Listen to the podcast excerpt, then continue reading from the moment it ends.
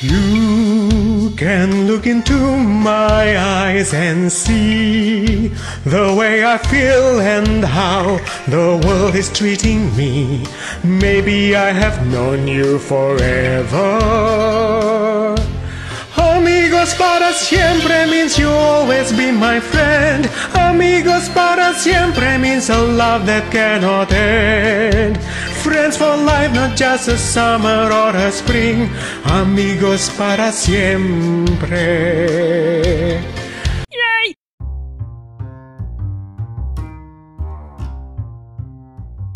Ya, eh, Kang Ben ini sekarang ada di mana sih eh, domisilinya?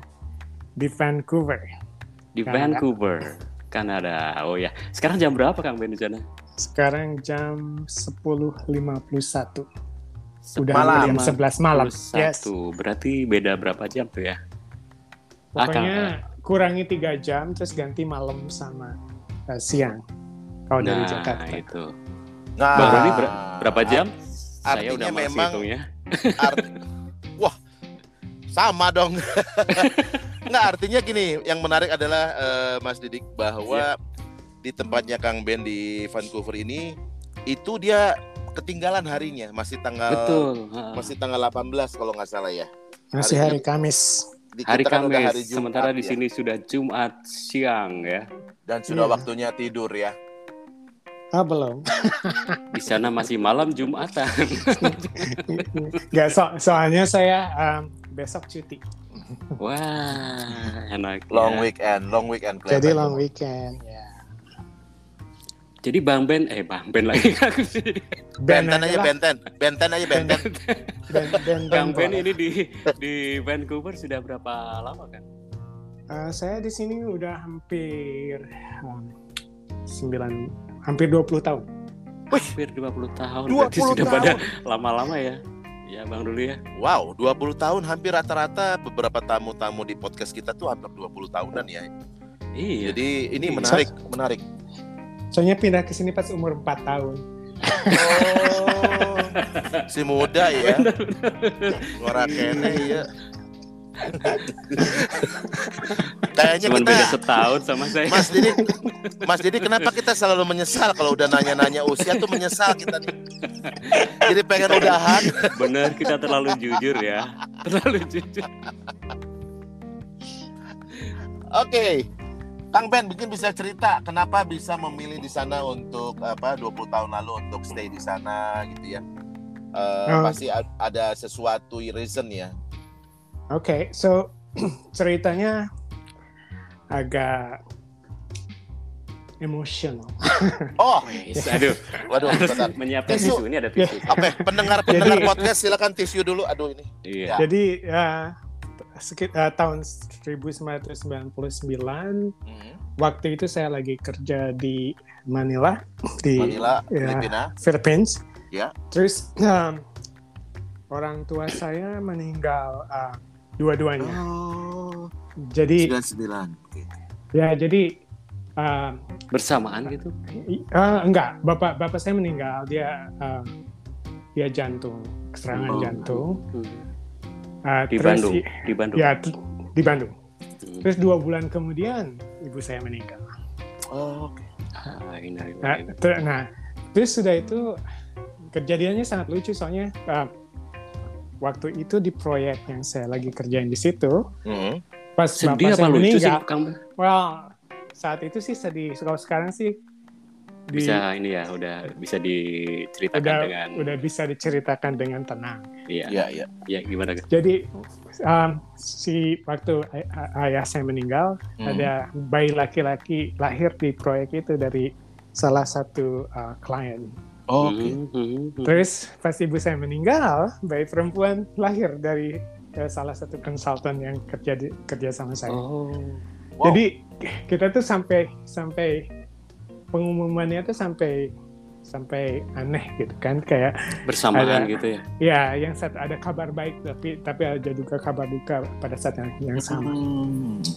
So anyways, kehilangan orang tua itu dengan mendadak itu bikin shock sekali kan.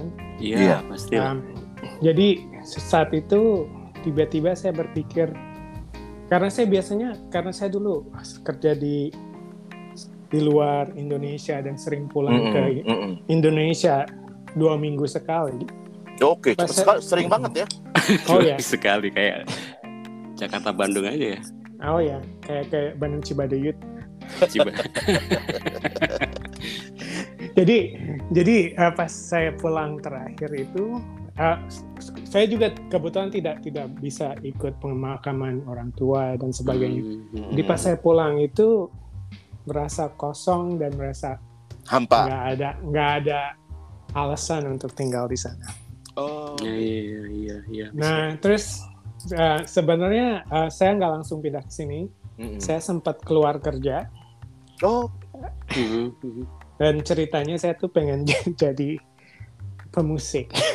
oh. Dari awalnya Manila itu terus seorang keluar kerja musisian, gitu ya? ya. ya saya keluar kerja terus saya uh, um, basically selama selama beberapa bulan enam bulan tujuh bulan gitu saya nggak kerja saya cuma belajar piano belajar macam-macam Pulang ke Uh, Indonesia apa masih di sana? di di Bandung di Bandung, Oh di Bandung udah di pulang ke Bandung. Bandung. terus Hmm, terus uh, saya pu- uh, punya kebun strawberry di Lembang Iya. Hmm. pokoknya kerjanya santai-santai gitu tiba-tiba uh, perusahaan saya uh, telepon lagi dia bilang hey uh, perlu orang Indonesia yang bisa manage orang Southeast Asia yang beda-beda culture karena Hmm. Kan- kan kalau kalau kita kerja sama orang Singapura orangnya layan kan Kalau Iya, kerja iya, sama, sama Hmm. orang Filipina orangnya layan Hmm. Terus jadi saya dip- dipanggil uh, buat kerjaan kontrak. Ternyata proyeknya memang proyek yang benar-benar apa ya, bikin bikin berpikir kenapa pula saya uh, saya ikut proyek ini. Soalnya proyeknya Hmm, benar-benar benar benar-benar berat. Di saat Oh. itu Hmm. saya berpikir lagi, oke, this is another reason why I shouldn't live here. Hmm. Nah, terus ngobrol sama teman, teman saya bilang, pindah aja keluar. Terus, oh ya, why not? Terus pas saya mau uh, cari-cari uh, research pindah keluar, Mm. kriterianya adalah pindah yang paling jauh, Oh. yang yang yang yang yang bikin orang tuh ya susah gitu pergi. Kalau misalnya pindah ke Singapura kan orang pa- pasti Masih- masih bisa ini. balik Gampang lagi. Oke, so akhirnya saya dapat uh, permanent residence di Kanada. Terus sa- saya tidak kasih tahu sama sekali sama orang di Di Bandung. Indonesia, termasuk keluarga adik Oh, kakak gitu. tidak ada yang Seriously? tahu. ya, Wow. jadi jadi um, saya masih ingat waktu waktu dapat visanya dulu kan pakai ini pakai amplop Hmm. gitu dari kedutaan Hmm, hmm, Kanada. hmm. Ya. Adik saya bilang, oh mau mau proyek di Kanada ya? Terus saya bilang, iya. Terus saya, saya saya langsung sembunyiin. Terus saya udah udah beli tiket dan lain-lain. Dan proyek saya selesai. Ah, terus baru saya kasih tahu adik kakak. Kalau saya like, oh saya mau mau ke Kanada. Terus Oh. mereka mikirnya, oh proyeknya di Kanada sekarang. You know karena karena Iya, saya iya, kerjanya kan konsultan. Jadi Iya, iya, iya. Udah biasa ini ya. Jalan-jalan. Hmm, hmm. Terus saya bilang, nggak juga mau mau lihat kemungkinan kalau bisa tinggal di sana. Permanen resident ya. Iya, jadi terus lah kakak-kakak saya yang cewek itu pada nangis kayak gini. Oh, eh, kenapa, kenapa, kenapa? Jauh Bet- sekali. gitu. ya, Iya iya. tapi akhirnya, um, ya akhirnya kita ada ada pesta perpisahan gitu. Udah gitu, cuman keluarga yang tahu kalau kalau saya mau, Oke. pindah ke sini sama sama ada beberapa teman dekat di kantor yang yang tahu. Eh balik Terus balik lagi itu dong Kang. Tadi Ke mana? yang eh, yang eh, alasan Kang Ben untuk memutuskan untuk jadi musisi tadi itu itu kenapa gitu ya? Oh, sa- sa- saya memang dari kecil sih dari uh, musik itu kayak semacam Udah jiwanya. stimulan, stimulan. Uh, saya, saya uh, belajar gitar waktu umur tiga tahun, belajar gitar sendiri kayak gitu kan. Tiga Wah, tahun. Ya, Aku tiga terus- tahun baru main gundu paling ya. Masih keluarga saya nyusu, masih Masih nyusu. nyusu. iya belum main apa-apa masih merangkak-merangkak Kang ya. Tapi keluarga saya bukan keluarga uh, Musisi. Musisi. jadi jadi musik bukan sesuatu yang uh, diapresiasi. Oh, selalu gitu. selalu pokoknya uh, belajar Sama sekali tidak ada yang uh, bermain musik atau nyanyi atau apa gitu enggak? Ah, ada sih kak Ada? Uh, adik saya main drum terus uh, Oh, kakak saya ada yang main gitar tapi mereka mereka nggak nggak nggak pernah serius Tapi Ah. ini agak sedikit nggak masuk akal nih coba Mas Didik penjelasan tadi. Keluarganya bukan musik, bukan uh, bukan apa, dari musisi ya. uh, uh, uh. Tapi dari umur tiga tahun udah main gitar. Jadi Nah, ada itu. alat ada alat musik gitu sebetulnya. ada jadi gini gitarnya uh, si, ada. si si uh, kakak saya tuh kursus-kursus gitar gitu kan terus saya suka ngeliatin terus saya ngeliatin Oke, oke. ngeliatin ngeliatin terus saya suka niru-niru gitu tiba-tiba uh, bapak saya tuh kayak marah gitu ngapain itu main gitar main saya, saya sampai kaget gitu Oh. udah gitu besoknya dia kasih gitar saya yang lebih kecil Oh, ukulele ukulele ya. Oh, tapi tet- tapi Ah, tetap akhirnya malah disediain di setengah dikasih atau gitu tiga ya. perempat lah gitar kecil gitu Oh, Nah, oh, artinya jadi saya ini ikutan ya. Kenapa Kang Ben artinya eh, bapak ibu gitu yang nggak nggak ada ini musik gitu ya atau di, di atasnya tapi kan kakaknya eh, belajar main musik juga gitu kan. Iya mereka mereka belajar gitar, cuman cuman um, dia Sekedar mereka nggak ini ya. diterusin. Terus kalau saya sih akhirnya suka suka suka sendiri aja gitu. Gitu. Dari Oke. dari gitar umur 3 tahun terus kemudian kendang Ah, enggak Nggak juga saya sih lebih saya sih lebih suka nyanyi ny- nyanyi terus uh, udah gitu um, kebanyakan sih nyanyi ya. nyanyi. Terus um, itu dari. SD atau dari TK udah ini? Dari kalau nyanyi sih dari SD nggak TK, TK apa belum? Oh TK mah bukan nyanyi. TK mah pokoknya saya TK dikeluarin sesudah tiga bulan. Karena dianggap dikeluarkan? ti- karena Wah ini prestasi tidak nih tidak dikeluarkan cocok tiga, tiga bulan dari TK dikeluarkan Nah, Mas Didik kelihatannya nih semakin seru ya. Ternyata memang eh, dari kecil punya bakat atau talent di eh, musik ya. musik Seni, Ah, seni musik ya kelihatannya Kang Ben ini. Hmm, hmm. Kemudian karena satu alasan yang sangat berat harus akhirnya memutuskan eh, menetap ya menjadi eh, permanent resident di negara yang sangat jauh ya. Artinya kan jauh sekali itu Kanada. Mungkin kalau dulu ada pilihan apa lintas galaksi mungkin akan pilih itu ya, pindah ke mana ke Andromeda gitu. Tapi memang karena mungkin ada project dan kelihatannya juga apa eh, Vancouver juga mungkin sesuatu yang benar-benar baru ya dari sebelumnya kan kan Ben, Kang Ben kalau nggak salah kan Filipina, Singapura gitu ya. Ini kan benar-benar jauh. Nah, 20 tahun ini sebetulnya sesuatu yang luar biasa loh eh, Mas Didik ya. Iya iya Saya rasa para pendengar podcast ini akan banyak bertanya, apa yang menyebabkan 20 tahun bisa akhirnya eh, lama di satu tempat itu gitu. Dan ini Ma, Kang Benny nggak Iya. pindah-pindah ya, kotanya tetap ya. tadi satu kota kaitannya itu. itu Ah. Ka- Kang Ben tadi kan Tetap eh, pengen pergi ja- yang paling jauh gitu kan iya kan ya Nah, itu nah itu kan eh, ada alasan juga kenapa gitu wah, wah, saat saat itu sih karena pengen keluar dari pengen lingkungan memulai hidup baru jadi Ah, saya tuh ah. saya tuh pergi ke sini dengan dua koper nggak tahu siapa siapa nggak ada pekerjaan Oh. Le- like mendarat di Vancouver terus uh, tinggal di hotel Oh. uh, selama seminggu terus cari cari tempat terus mulai kerja uh, ngelipet-lipet laundry gitu Hmm. nah terus udah Menarik, gitu menarik. Di- udah gitu mulai-mulai cari kerjaan. Tadinya mau jadi polisi nih. Polisi. Beneran serius? Beneran Kayaknya- serius. kayaknya gara-gara lihat film ini kayaknya apa Ah. California Highway Patrol kayaknya Eric Estrada. saya tuh udah udah, udah latihan latihan manggul manggul karung 80 apa 40 kilo terus lari 400 meter Seriously, Kang tapi itu Serius? mem- memungkinkan Gila, gitu jadi gua polisi di loh. polisi di, di luar gitu apalagi ya Oh di sini polisi nggak harus jadi citizen, jadi as- asal residence, and asal Ah, asal oke. dia dia bersih nggak ada Mhm. nggak ada Nggak ada kriminal sejarah ini ya note ya. boleh ya ya- ya di, di, di proses pendaftaran mau jadi polisi tiba-tiba ada uh, lowongan bisnis analis terus daftar Oh. akhirnya malah jadi ketemu jadi bisnis analis jadi nggak jadi jadi polisi oh ya maaf Kang Ben ini dulu apa sih eh, jurusan saya apa? di IT IT di IF apa Ya, yes, yes, itu. IF. Oh. Ya, of course ITB. Iya, iya. Jangan tanya angkatan lagi, Mas Didik nanti salah lagi. Enggak kita. kalau ini kayaknya agak riset kalau ini. Kayak waktu kapan kita nanya Karlisa, Karlisa, ternyata muda banget ya. 2000-an, Kita langsung menyesal. Aduh, kita kenapa menyesal? terlalu jauh. Oke. Iya, iya, jadi polisi. Oh, makanya kemarin eh, profile picture-nya ini ya, cocok banget ya pakai seragam itu. Eric Estrada kayaknya Eric Estrada wannabe kayaknya. Jadi balik lagi kenapa di Kanada itu betah. Jadi Nah, iya, me- iya. menurut saya Kanada itu negara yang paling inklusif. Jadi Oke. em, apa pun orangnya, apa pun ya, ideologi atau apa pun kepercayaan atau apa pun dia, dia Hmm. dia dia sangat menghargai. Orang di sini tuh nggak pernah bertanya Gak pernah mengenai kepo ya? exactly apa Hmm, hmm.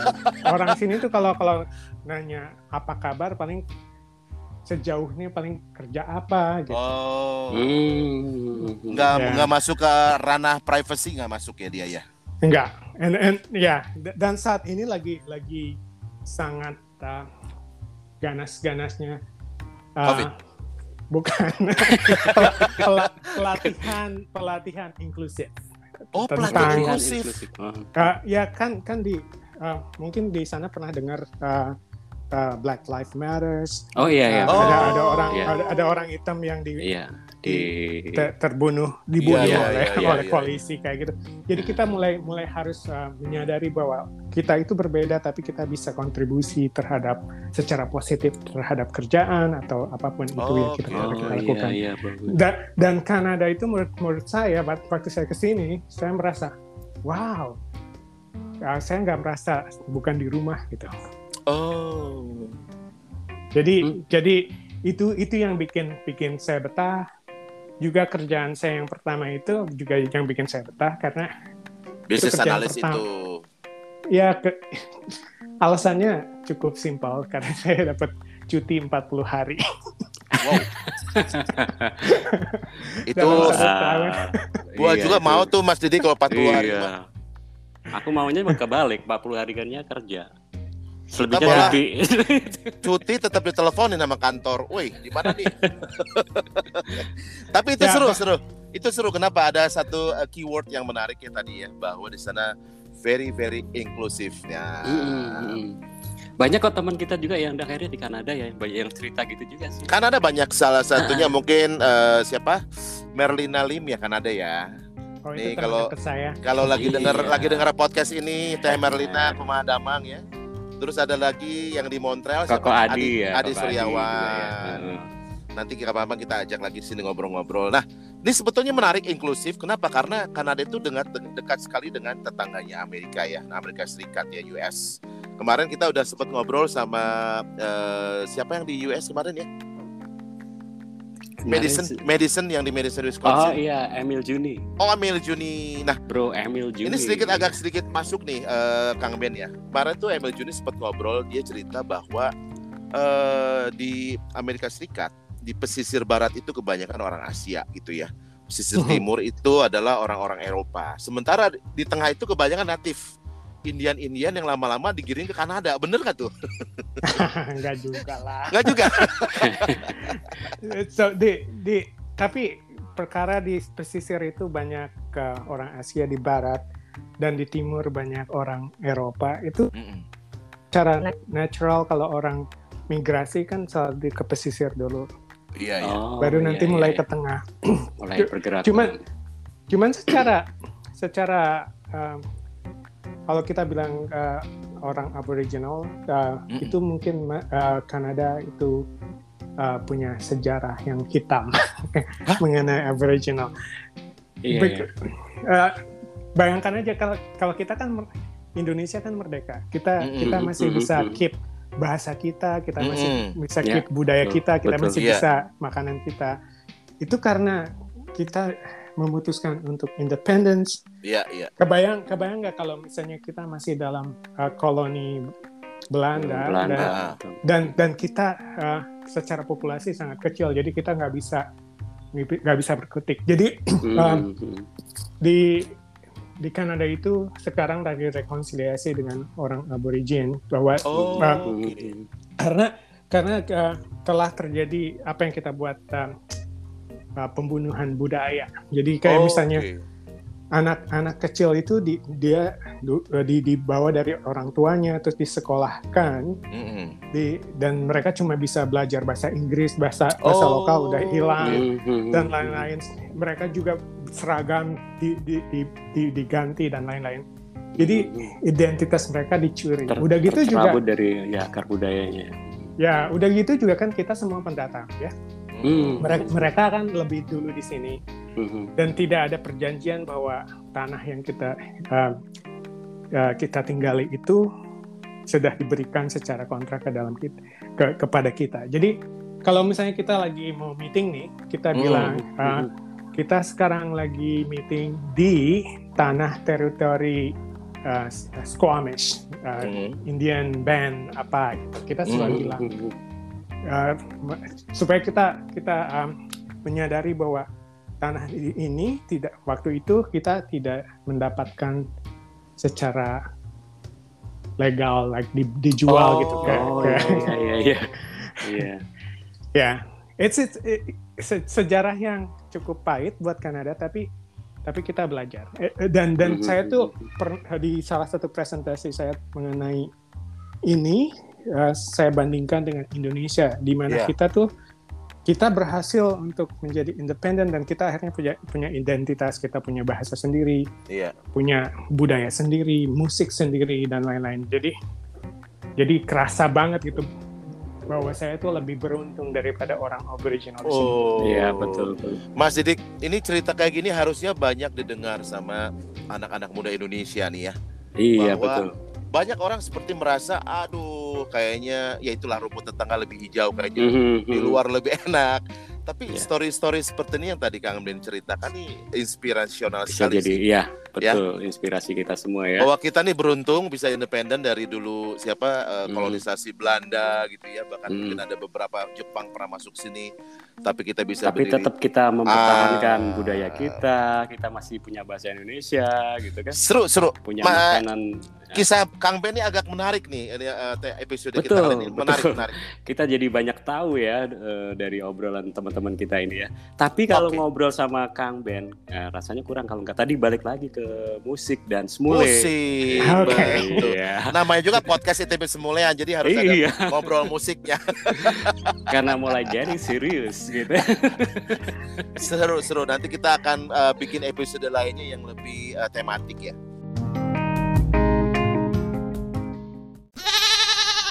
I feel you near me even when we are apart. Just knowing you are in this world can warm my heart.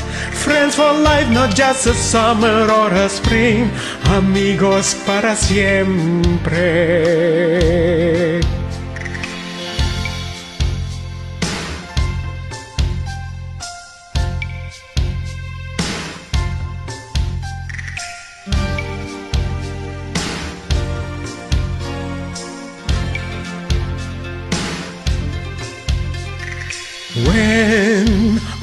Look at you, I wonder why there has to come a time when we must say goodbye.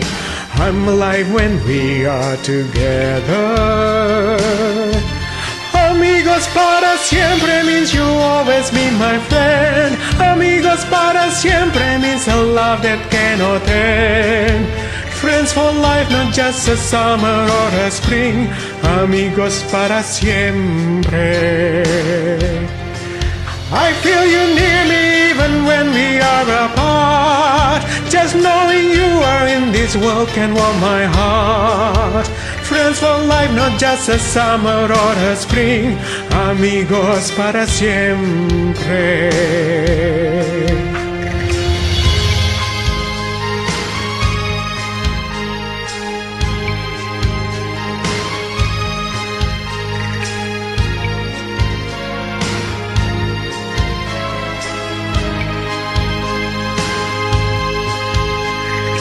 When I look at you, I wonder why There has to come a time when we must say goodbye. I'm alive when we are together. Amigos para siempre means you'll always be my friend.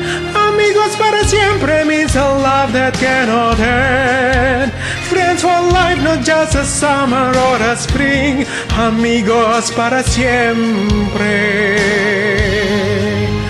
I feel you near me even when we are apart. Just knowing you are in this world can warm my heart. Friends for life, not just a summer or a spring. Amigos para siempre.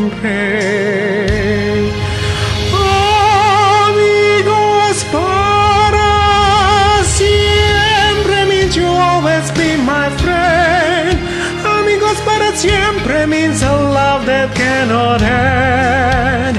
Friends for life, not just a summer or a spring. Amigos para siempre. Amigos para siempre.